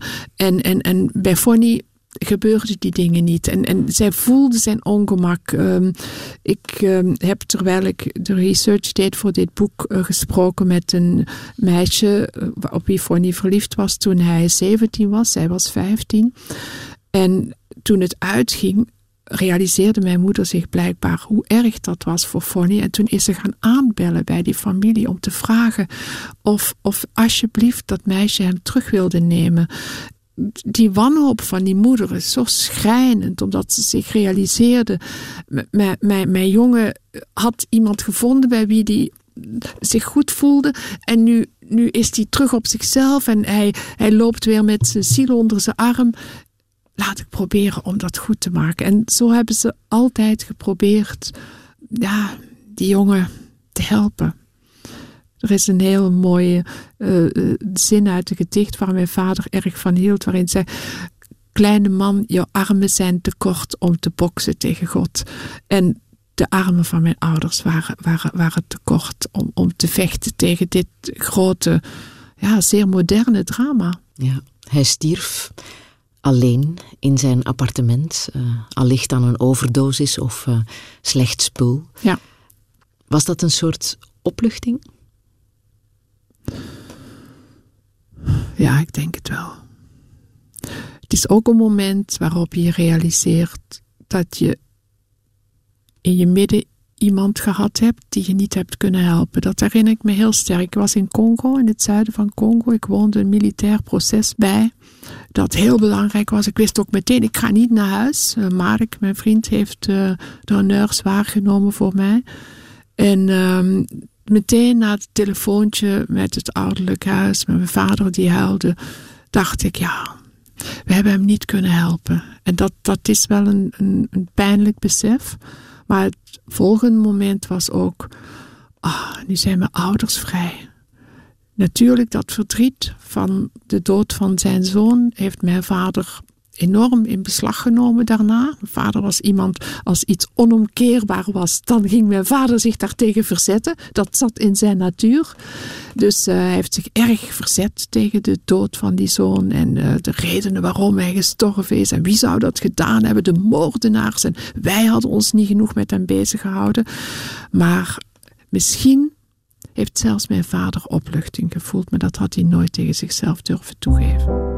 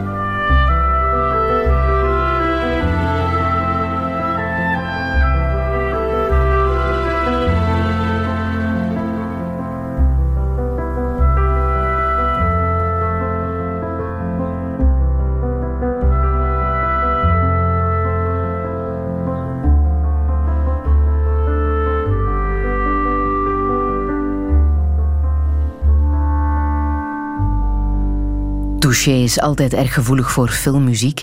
Dit was een aanrader van filosoof Pieter Adriaans uit de film Avant l'hiver van Philippe Claudel. Na de zomervakantie kwam acteur Stefan de Gant langs. Een dikke maand later zou hij veertig worden. Geen leeftijd om al weduwnaar te zijn. Het verlies van zijn vrouw en ongeboren kind een jaar daarvoor liet niemand onberoerd. Maar ook en vooral de manier waarop hij het moment heeft aangegrepen om het leven vast te pakken en toch dankbaar te zijn. Ik vroeg hem wat hij ondertussen wist over de oorzaak van haar dood: een bacteriële hersenvliesontsteking. Niks. En nog steeds niks. Ik moet eerlijk zeggen, ik heb er niks over opgezocht. nog steeds niet. Voor mij is gestorven eh, door het noodlot. En natuurlijk door een bacteriële hersenvliesontsteking. en daar ben ik ook heel eerlijk over. Bijvoorbeeld tegen Mila, want die begint zich nu vragen te stellen. Wat is mama gestorven? En uh, een paar dagen geleden zag Mila een vlieg op de vuilbak en ze zei... Uh, is dat dan door zoiets? En ik zeg, nee liefje, dat is een vlieg. Dus, ja. dus uh, ze heeft natuurlijk nog geen begrip van een bacteriële hersenvliesontsteking, net zoals ik eigenlijk. Ik heb er ook geen begrip van. Ik heb er niks over opgezocht of... Nee. Maar het ging heel snel, hè? Dat, het ging heel snel, ja. ja. Dat is wel geweten, dat, dat je er bijzonder snel bij moet zijn en dan nog. En dan nog, ja. In haar geval was het helaas onmogelijk haar te redden. Het was te snel. Dus is... iedereen liep achter de feiten. Dus alle mhm. dokters, mm. neurologen stonden allemaal met open mond naar te kijken. Dus ja, stonden mee te huilen aan haar bed. Dus dat zegt genoeg, denk ik. Hoe is die dag in jouw geheugen blijven haken? Als je daarop terugkijkt. Ja, dat... Ja, welkom in de horror. Dus alles gaat zo snel. Hè. Dag 1 binnenkomen, s'avonds horen dat het onherroepelijk is. Dag 2, eh, wat doen we met het kindje? Dag 3, wat doen we met de organen? En dag 4, begrafenisondernemer. Zo gaan de dingen dan, blijkbaar. Maar eh, ja, ja, ze heeft het nooit geweten, denk ik. Denk ik echt. Dus dat is... Ja. Maar ja, geen afscheid, dus dat maakt het wel moeilijk voor de achterblijvers. Voor haar moeder, vader, zussen, ik en uh, zoveel vrienden. Ja, er is geen afscheid geweest. Bij mijn moeder wel, niet bij haar. En dat vind ik heel lastig. Mm Dus ja. Ben jij in een soort shock geweest? Uh, heel veel adrenaline en uh, heel scherp. Ik stond heel scherp. Ik hoorde alles wat de dokters zeiden. En ik weet nog alle details van die kamer, alles. Ik weet uh, welke foto's erop hingen, allemaal van wielrenners. Oude wielrenners, Merckx en andere. Dus ja, ik weet alles nog. Ik weet ieder woord wat de dokter zei. En, ja. Je weet ook nog hoe haar trouwring terug aan jou werd gegeven? Ja, in een piespotje, met een rood dekseltje. Ja, dat was het enige spijtige. Maar dat heb ik ook gecommuniceerd met ziekenhuis, dat er fantasievollere dingen zijn om die uh, dingen terug te geven. Dus ja. Je had ook gezegd van ik wil daarmee over nadenken, hoe dat beter kan. Ja. Ja, dat is. Al, geeft het terug in een wit envelop of zo. Of geeft het gewoon, gewoon terug zonder iets erbij. Mm. Nee, maar... En dan samen afscheid uh, genomen van haar met Mila. Dat heb ik heel bewust samen met mijn dochter gedaan. en dan heb ik gewoon uh, gedanst in de kamer voor Julie met Mila. En dan heb ik uh, onze openingsdans, For Your Love van Steven Wonder, op haar buik gelegd. Een gsm. Uh, en dan hebben we gedanst. Mm -hmm. En ja, dat was het. Bij um, hersendood, want dat was de, de fase waar ze even is in geweest, is Ja. nodig voor orgaandonatie. Hè? Dat, Klopt. had ze, Ja. dat had ze beslist, dat wou ze. Ja, absoluut. Ja. Wanneer heeft ze dat beslist? Eh, dat wist ik heel lang. Want zij had een, echt een, een chaotische portefeuille. En haar, eh, haar donatiekaart zat echt tegen haar identiteitskaart geplakt. Hadden we dat al besproken, alles afgeven, zei hij altijd. Dus eh, wat ze kunnen gebruiken, afgeven. Hebben we ook gedaan en godzijdank waren alle organen van een sportvrouw. Dus ze heeft acht mensen gered. Wat ongelooflijk is, hè? Wil je daar ook meer over weten? Over die acht mensen die eh, zijn Ik geholpen? kan weten eh, welke organen nog steeds hun nut hebben bij bepaalde mensen, maar ik wil het niet weten. Voor mij is het allemaal, is het allemaal gelukt. Aha. Dus dat wil ik later ook zo tegen Mila kunnen zeggen dat mama acht levens heeft gered. Al is het een leugen, maakt niet uit. De leugen is dan beter dan de waarheid. Dus ja, nee, ik kan het in principe weten, maar ik hoef, dit, ik hoef het echt niet te weten. En de dat familie op, wil het ook ehm, niet weten. Dus. nee, nee. Ja. Is dat op een of andere manier een, een troost dat eh, haar organen nog van nut zijn geweest? Ja. Eh, ja, absoluut. Vind ik wel. Want acht mensen hebben een wonderlijke telefoon gekregen. Dus dat is... Omdat ik dat weet van mijn moeder. Hè. Die Ja. is twee keer... Heeft zelf een nier ontvangen. En mijn moeder was zich daar heel bewust over. Die zat echt in de auto en die dacht van... Hier is iemand voor gestorven. Dus dat, is, dat heeft wel heel veel impact bij de ontvanger. Enorm. Je bent automatisch donor, hè? tenzij je Ja. je daar zou tegen verzetten of Ja. eh, de familie dat niet zou willen. Ja. Je kan dat ook concreet bevestigen. Te weinig mensen weten dat nog. Hè? Te weinig mensen, ja, ja. Of het schrikt af, natuurlijk, van oh. Dus ja, ja dat is zo. Maar iedereen zou het moeten doen, natuurlijk. Je weet het ook niet meer hoor, dus. Hoe gingen die dagen voor jou? Eh, het moeilijkste vond ik om, eh, om het tegen Mila te gaan zeggen. In alle eerlijkheid stond ik bij Julie en ik dacht, laat dit alsjeblieft ook een spel zijn. Kunnen we gewoon wisselen. Ik wou wisselen. Ik vond dat Julie naar huis moest om het tegen Mila te zeggen. Ik niet. Dus ik heb haar ja, gevraagd om te wisselen.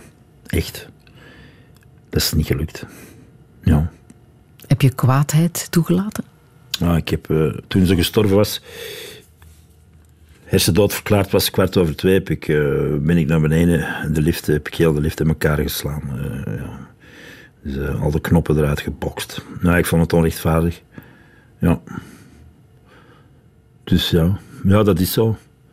Maar ik wist dat het leven eh, onrechtvaardig was, dus... eh, dus het is niet dat ik zit te kijken naar andere mensen en denk waarom zij wel levend en mijn vrouw niet. Zo werkt het niet. Dus nee, ja. Wat heb je gedaan om jezelf in stand te houden, om jezelf te redden die dagen? ehm, alles regelen. Daar begon het al mee. Ik wou alles, alles goed geregeld krijgen. Ik wist niks in huis, hè. dus ik wist ook niet eh, naar verzekeringen toe.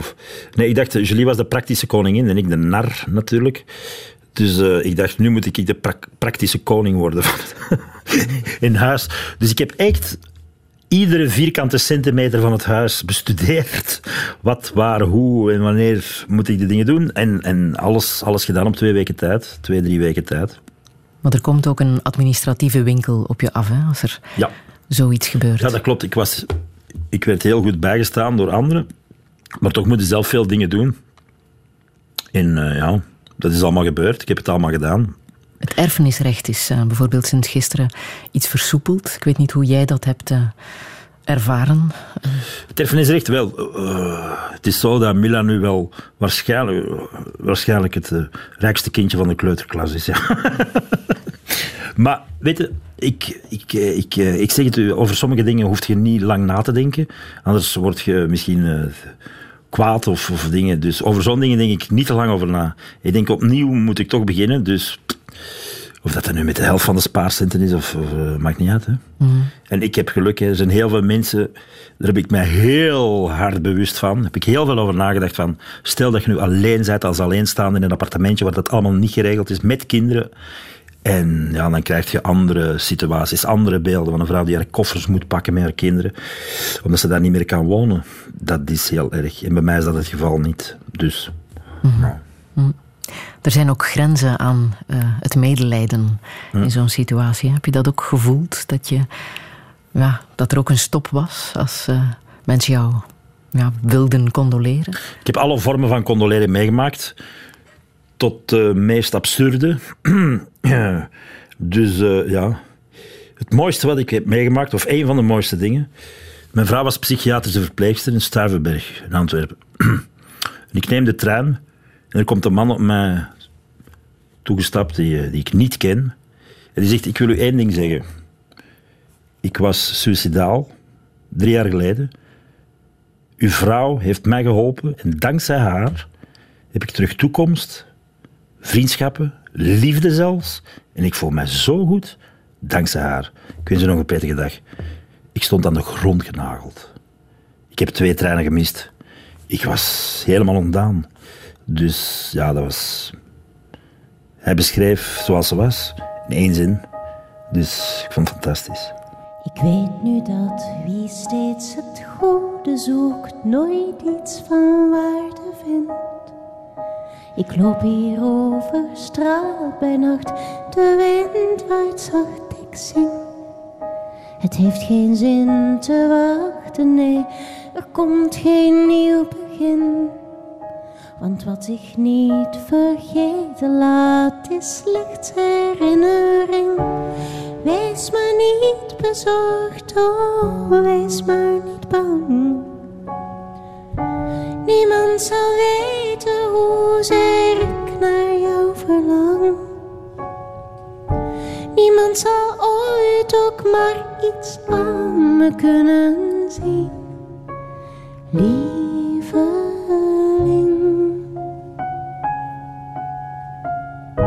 Ik weet dat ik geen hoop meer nodig heb, want hoop maakt alles stuk.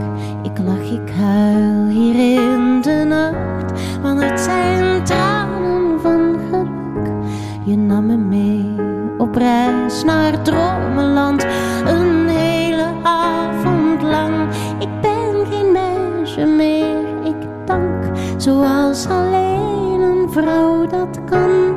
Wees maar niet bezorgd, oh, wees maar niet bang. Niemand zal weten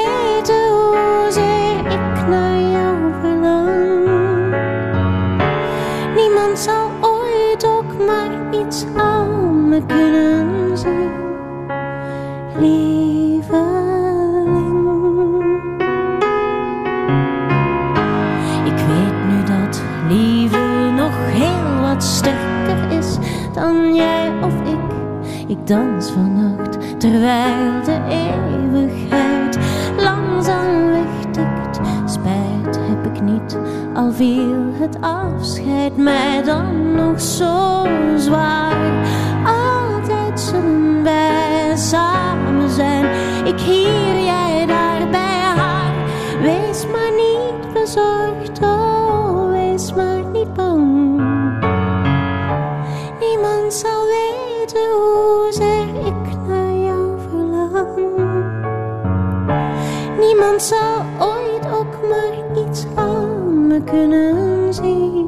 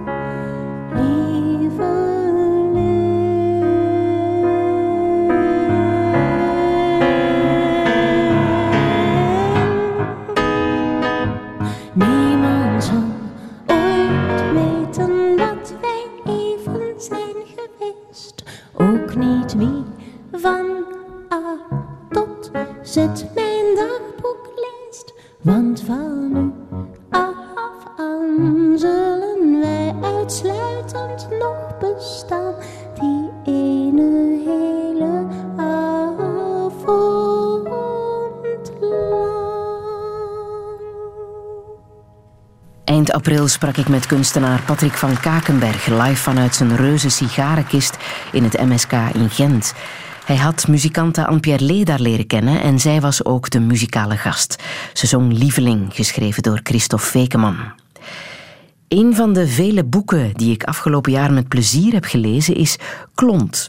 Op 18 maart was de auteur van dat boek te gast, Maxim Februari.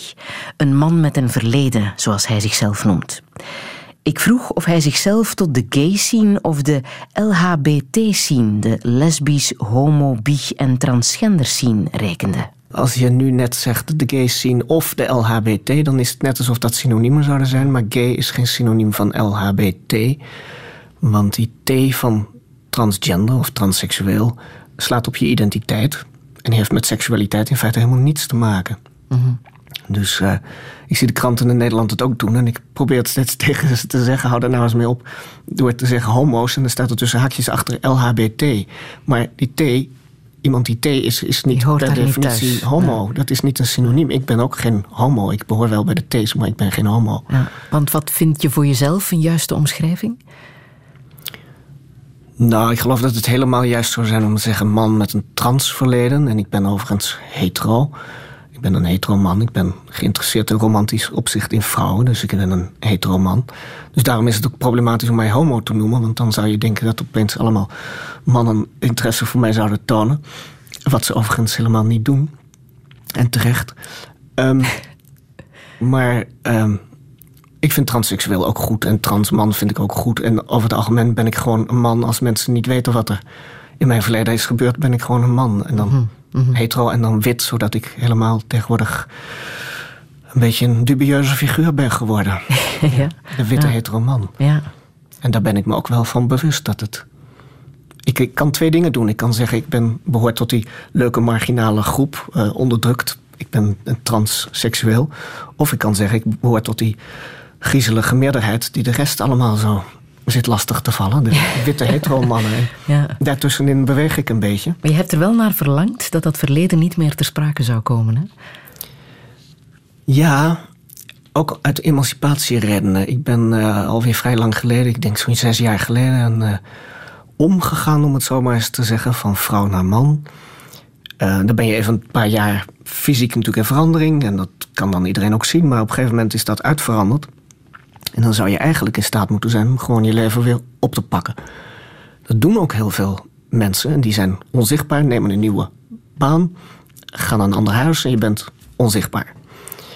In mijn geval is dat onmogelijk, want iedereen weet dat. Dus ik dacht, uit emancipatieredenen laat ik nou zien dat de bedoeling is dat je gewoon doorleeft. Dus toen dit boek uitkwam, hoopte ik ook dat niemand zou beginnen over mijn transverleden. En uh, ik heb daar flink tegenaan moeten kletsen. En dat is voor een heel groot deel heel goed gelukt. Zodat dit boek er nu ligt als gewoon een boek van een man die een boek heeft geschreven.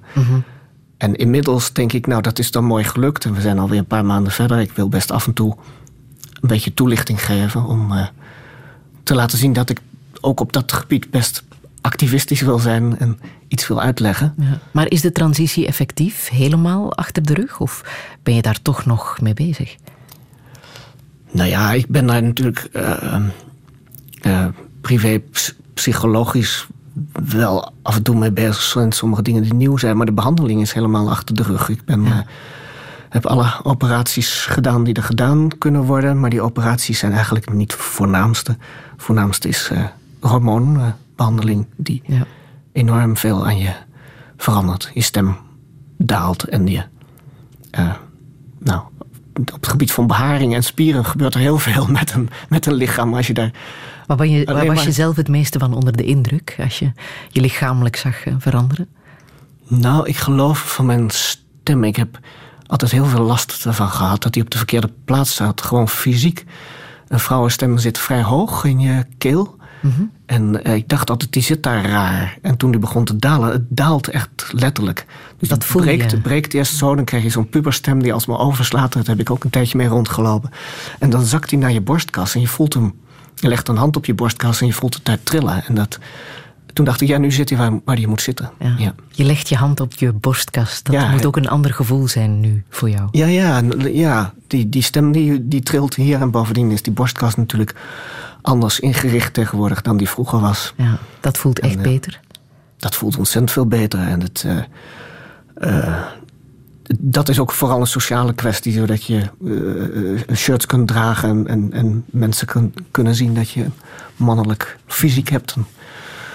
De rest van de anatomie is allemaal wat minder zichtbaar onder kleren, dus daar. Ja. Maar daar heb je wel wat operaties voor moeten ondergaan natuurlijk. Hè? Was dat zwaar of was dat toch een soort verlangen dat je had? Ja, het was een verlangen. Ik heb misschien zelfs onderschat, want achteraf denk ik, god, het zijn toch best zware operaties geweest, maar ik ben er uh, ingestapt alsof het niks was. En uh, je merkt dat het, uh, het gesprek over het algemeen gedomineerd wordt door de situatie van transvrouwen, want die hoeven maar één operatie te ondergaan.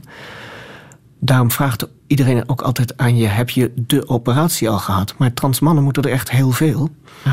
En dan kunnen mensen thuis zelf maar eens even bedenken wat het verschil is tussen een mannen- en een vrouwenlichaam en wat je allemaal moet veranderen.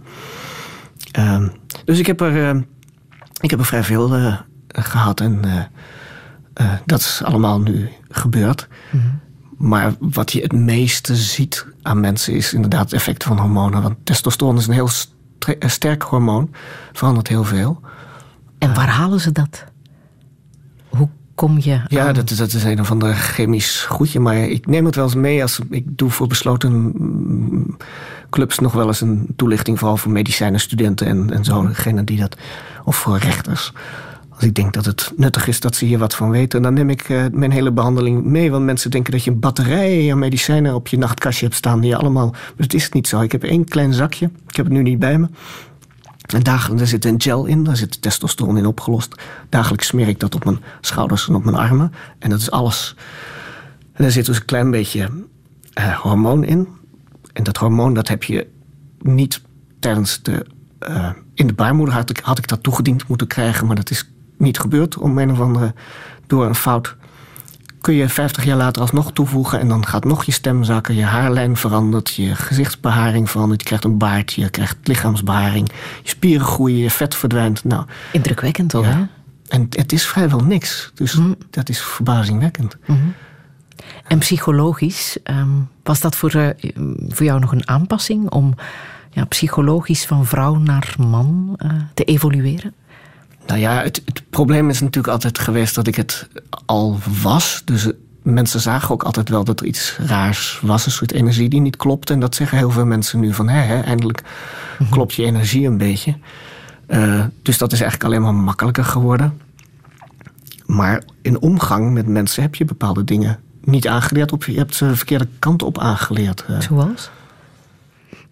Uh, nou ja, al, al, was het alleen maar de, de romantische omgang met vrouwen of het, of het flirterige daarvan is, is soms heel ongewoon. En ik moet dan even terugdenken van wat gebeurt hier. Ik denk, oh ja, ja, ja, oh, dit wordt hier bedoeld. Dat zag ik even niet aankomen, omdat je dat in die puberteit niet hebt geleerd. Maar ik heb toch wel veel ervaring gehad met, met uh, aandacht trekken van mannen die nu helemaal verdwenen is, helaas. Want ik vond dat wel gezellig. Ik had er niks aan, maar ik vond het wel vlijend vaak. Ja.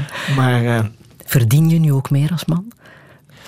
Uh, nee, dat is mij niet gelukt. Ik had, toen ik het aankondigde, had ik gezegd... nu gaat mijn prijs 18% omhoog. Maar dat, dat, daar is niemand in getrapt, helaas. Nee. dat heeft niet gewerkt. Nee.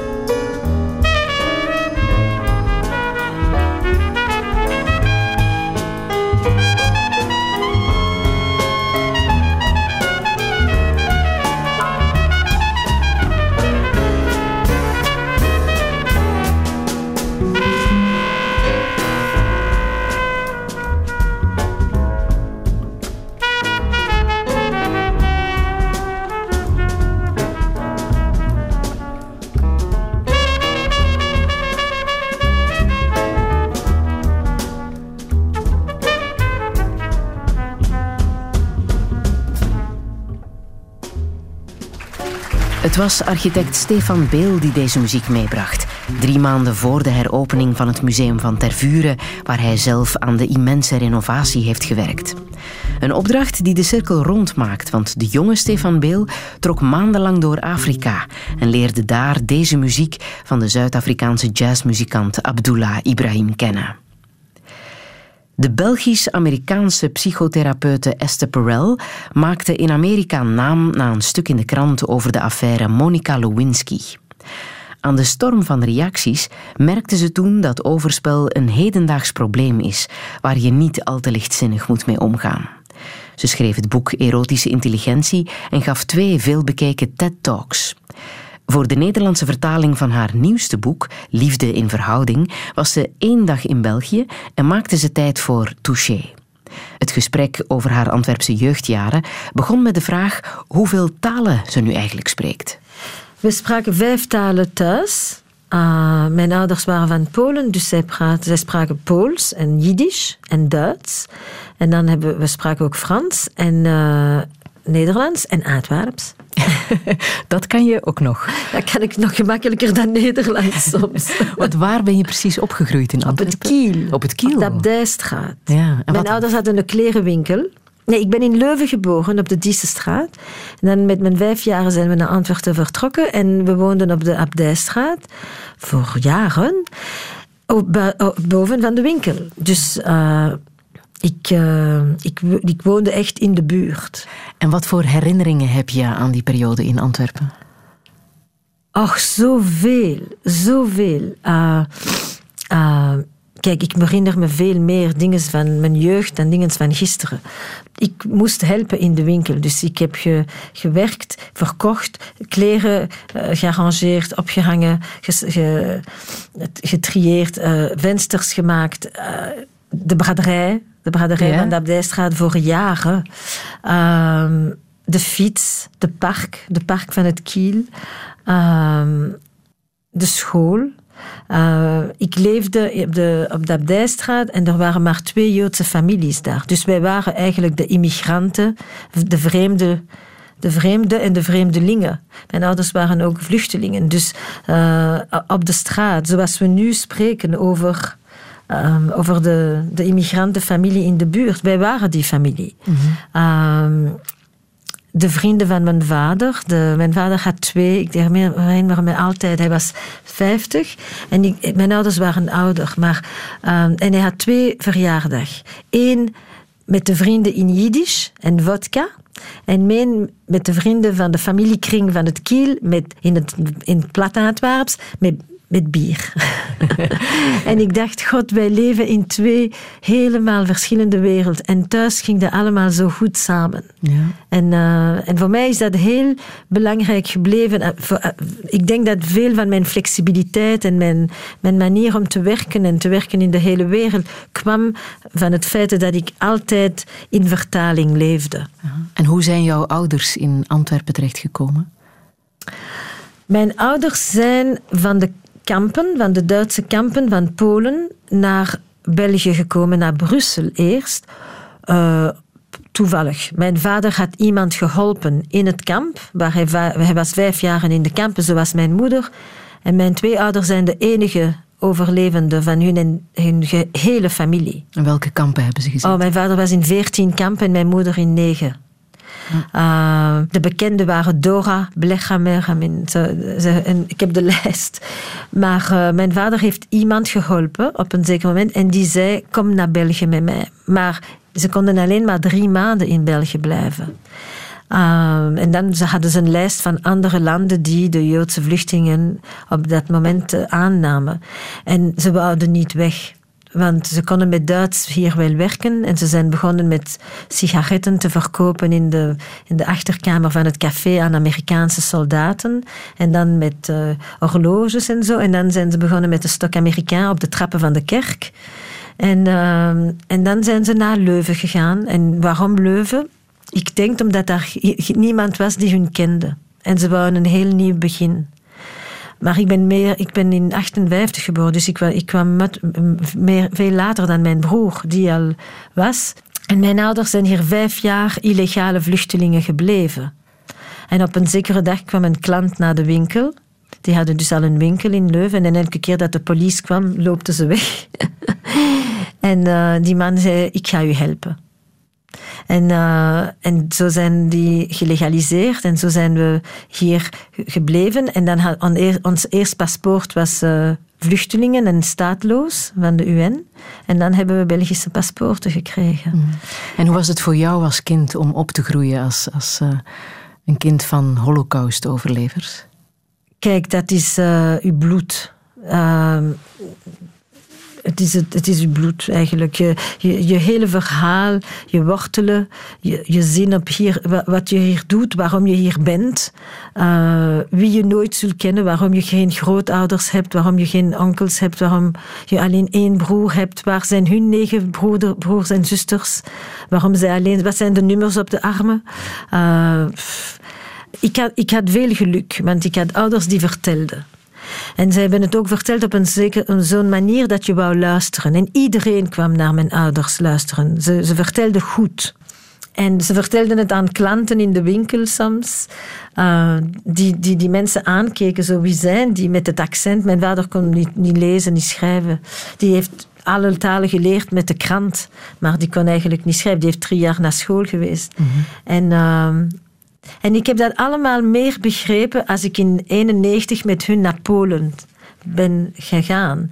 Twee jaar nadat de muur gevallen is, uh, konden we terug in Polen in en we zijn gaan zien van waar ze kwamen. En uh, wat was het dorp van mijn vader, wat was het stadje van mijn moeder en wie waren die mensen? En hoe was dat om daar terug te gaan? Ongelooflijk. Het was echt... Uh, het was echt ongelooflijk. Je, je, je, ontmoet iemand en, die, en zijn verhaal of haar verhaal begint als hij 35 is. en, maar je denkt, wie was die persoon vroeger? Wat, was je familie? Wat voor een huis woonde je? Uh, hoe zag je moeder uit? Je hebt geen foto's. Je kan niets zien. Um, en dus voor het eerste keer heb je een beetje een beeld. Um, was het helend? Heeft het geholpen om daar terug te kunnen zijn? Voor mijn vader ja en voor mijn moeder nee. Mijn vader was heel blij dat hij ons kon laten zien waar, van waar hij kwam. En, en ook, uh, hij heeft een leven gehad hier in België die hij niet in Polen zou hebben in, een, in zijn klein dorpje. Hij, was, hij werd heel cosmopolitisch en hij, hij heeft het heel goed gehad. Dus uh, het was ook het leven dat ik nooit zou gekend hebben. Mijn moeder was te boos. Te boos over wat ze, ver, verloos, ver, uh, wat ze verloren had. Um, het is niet zwart of wit of goed of slecht. Of, het brengt een complexiteit en het, het, het antwoord. Ja. Het geeft maar je zegt dat er, dat er twee soorten mensen waren in de naoorlogse jaren in Antwerpen. Mensen die wilden leven en mensen die van binnen gestorven waren.